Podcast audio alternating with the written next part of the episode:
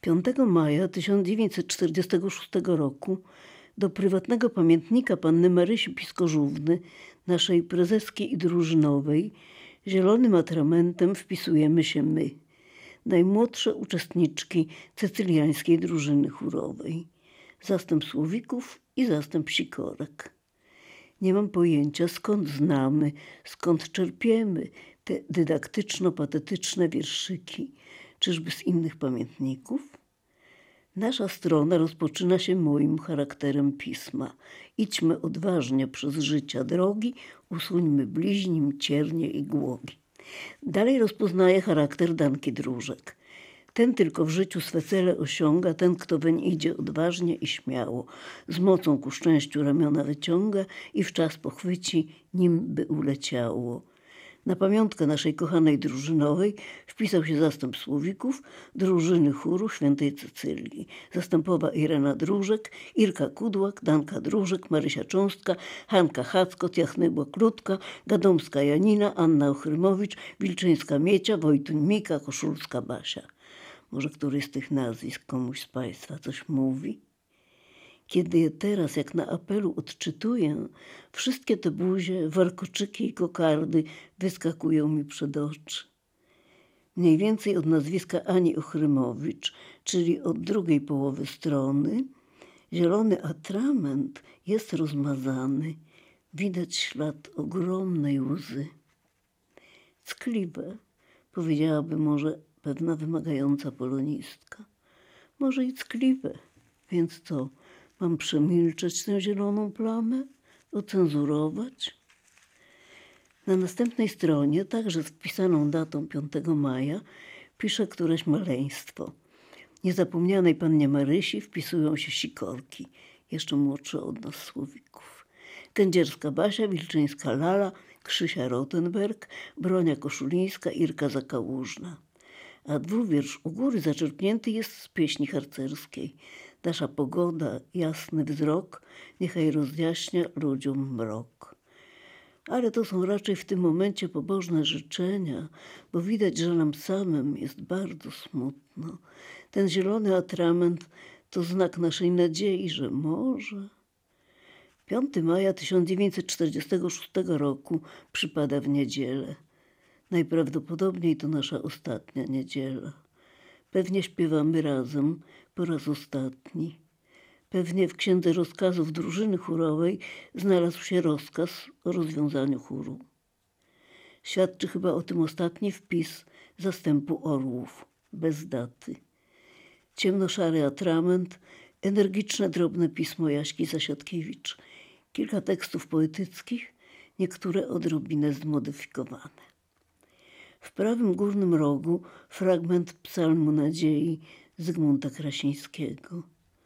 Dość już długo, dość już długo brzmiał na strunach wieszczów żal.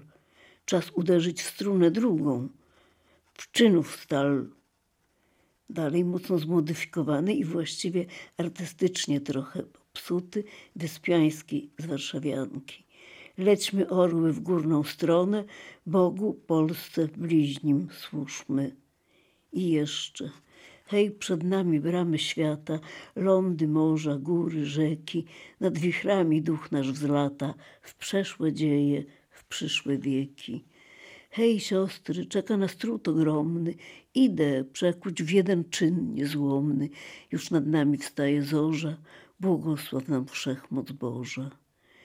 I wreszcie tekst własny świetnie piszącej Jaśki, naszej drogiej drużynowej i zastępowej Orłów, z podziękowaniem za czteroletnią pracę nad nami w chórze, a zwłaszcza za ostatnie miesiące współżycia i silnego zbratania się z gniazdem orłów, w momencie przymusowego wylatywania z gniazd, by o własnych siłach dążyć do wspólnych ideałów. Wpisują się orły – Stefa Pietraszewska, Irka Dróżek, Jadwiga Maksymowicz, Jaśka Zasiadkiewicz, Janka Sitnik, Cesia Salińska, Zula Johan.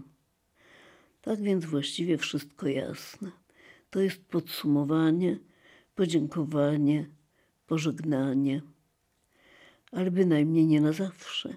To raczej zawieszenie, przerwa, konieczna dla zaczerpnięcia oddechu, aby o własnych siłach dążyć do wspólnych ideałów. Czyli choć nie można było uratować miejsca, najważniejsza jest postawa, ideały. Co to za pojęcia? Dla dzisiejszych, tych z XXI wieku, zupełnie niezrozumiałe. A jakież to ideały?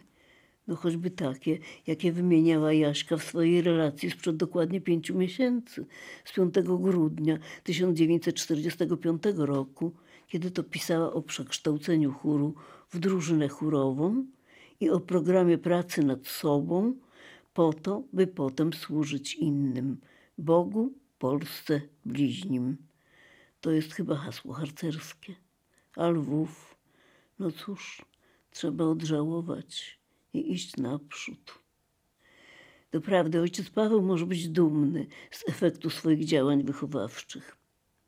Idziem jak fala zalać polski świat, napisał w sztambuchu Panny Marysi, bez daty, więc trudno odgadnąć, czy jeszcze we Lwowie, czy już po zachodniej stronie granicy. Ale widać, że ani na chwilę nie bierze pod uwagę zakończenia działalności, wręcz przeciwnie. Też wpisuje najpierw patetyczny wiersz. Czuwaj strażnico, w ludzkim pochodzie duchy młodzieńcze niech idą na przodzie. Niech tony biją przed braćmi ciemnymi, niech będą świtem i jutrznią tej ziemi i wyciągniętą ku słońcu prawicą. Czuwaj, strażnico. Skowronką, co śpiewem swym towarzyszą pracowitemu oraczowi, co radość niosą ludziom, zwiastują wiosnę i pogodę, pierwszym pionierkom i współpracowniczkom w twórczej pracy nad wychowaniem młodych Polek, wpisuje te słowa uczestnik leśnych włóczęg, pierwszych prób, ćwiczeń i niezapomnianych przeżyć, leśny wujaszek Władysław. Te leśne włóczęgi to już coś więcej niż niedzielne wycieczki na pochulankę czy do Czartowskiej Skały lub Miodowej Groty, więc to już chyba wpis późniejszy. Dziwno mi trochę, że taki pedant jak ojciec Paweł nie wpisuje daty, czy pisze Polki małą literą, ale pismo jest jego, bez cienia wątpliwości. Może to świadomy zabieg dla bezpieczeństwa, dla zmylenia przeciwnika. Nie wiem natomiast, jak dokładnie brzmi nazwisko pani, która także wpisuje się zielonym atramentem już na zajutrz, 6 maja 1946 roku. Początek tego nazwiska to jakby Konop, ale dalej nie wiem, czy Konopkówna, czy Konopkowa, czy Konopczyńska, czy jeszcze jakoś inaczej. Wygląda mi na nauczycielkę. Imię Maria. Może Konopkówna? Była taka nauczycielka polonistka. Uczyła we Wrocławiu w pierwszym gimnazjum, ale nie wiem, czy by to była ona. Oto tekst, który wpisuje na całą stronę. Zaprawdę nie można niczego pani goręcej życzyć, jak wierności ideałom młodości, którymi pani nasiąkła w atmosferze Lwowa w brzemiennych latach dziejowego kataklizmu. Lwów nie jest miastem kresowym, jakże mu daleko do prawdziwych kresów nad Bochem czy Dnieprem, a przecie skupia w sobie co najcenniejsze z cech kresowych gościnność i prawość, gorącą miłość ojczyzny i wielką wrażliwość religijną, i ścierwowską fantazję i wielką dozę marzycielstwa, a przy tym wszystkim wielką dojrzałość polityczną, czujną gotowość do czynu i ofiar. Tego kapitału nie wolno nam nigdy zmarnować, jak nie wolno nam stracić wiary, że Bóg nas wróci naszym ołtarzom, naszym ukochanym zabytkom i dostojnym grobom naszych orląt. I pozwoli nam tu dalej pracować i umierać dla dobra Polski i ludzkości. Na wielką chwałę Boga, na mniejszą chwałę Lwowa, mimo ciemności, które zaległy polskie umysły i mimo zła, które gubi polskie dusze tam na zachodzie. Bóg z Panią. I tu podpis zamaszysty, mało czytelny. Tekst po prostu zachwycająco trafny, celny i choć tak patetyczny, wiernie, najwierniej oddający nasze ówczesne, tamtejsze nastroje i przekonania. Tak wszyscy czuliśmy Myśleliśmy, mówiliśmy, od starca do dziecka, jednakowo, naprawdę. W dwa dni później, 8 maja, wpisuje się Jasiek Papé, zaczyna wierszem Jana Kasprowicza. Błogosławieni, którzy w czasie gromów nie utracili równowagi ducha, którym na widok spustoszeń i złomów nie płynie z serca pieśń rozpaczy głucha, którzy wśród nocy nieprzebytej cieni nie tracą wiary w blask samych promieni. Błogosławieni. Błogosławieni, albowiem ich syny będą sprzątali z ich ziaren owoce. I wśród zmartwychwstań porannej godziny, gdy złote słońce blaskiem zamigoce, będą wołali duchem podniesieni, za ojców wiarę świt się nam promieni. Błogosławieni. Kochanej Marysi, aby jak najprędzej wracała do gniazda rodzinnego, skąd odlatuje teraz w daleki świat i aby nie zapomniała.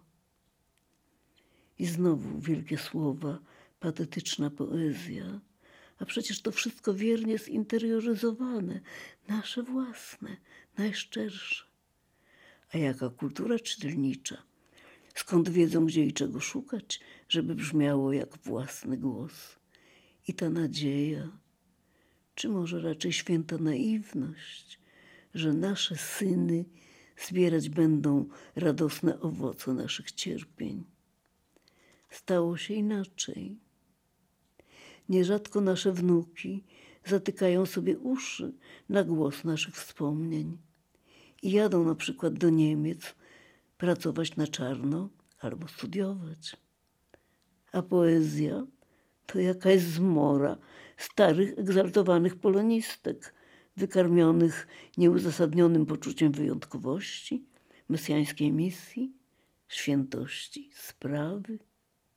Jesteśmy silni nie orężem, lecz wolą twardą, nieugiętą i świadomością, że walczymy za sprawę świętą.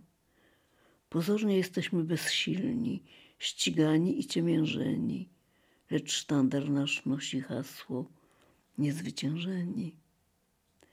Drogiej Marysi w chwili opuszczania najdroższego miasta w świecie przepisała Stacha o Lwów 20 maja 46 roku. A nad tą datą olbrzymia rozmazana plama. A kiedy panna Marysia opuszcza Lwów? Nie wiem, niestety, nie pamiętam. Na pewno odprowadzałyśmy ją na dworzec, ale też nie pamiętam szczegółów. Po prostu te wszystkie odprowadzania są do siebie bliźniaczo podobne. Wciąż ten dworzec, bydlęce wagony na torach i paki, paki, paki. Pomiędzy nimi ciągle jacyś pijani soldaci, obdartusy, żuliki, bezpryzorni, rozglądający się tylko, co by tu porwać, ukraść, zachachmęcić.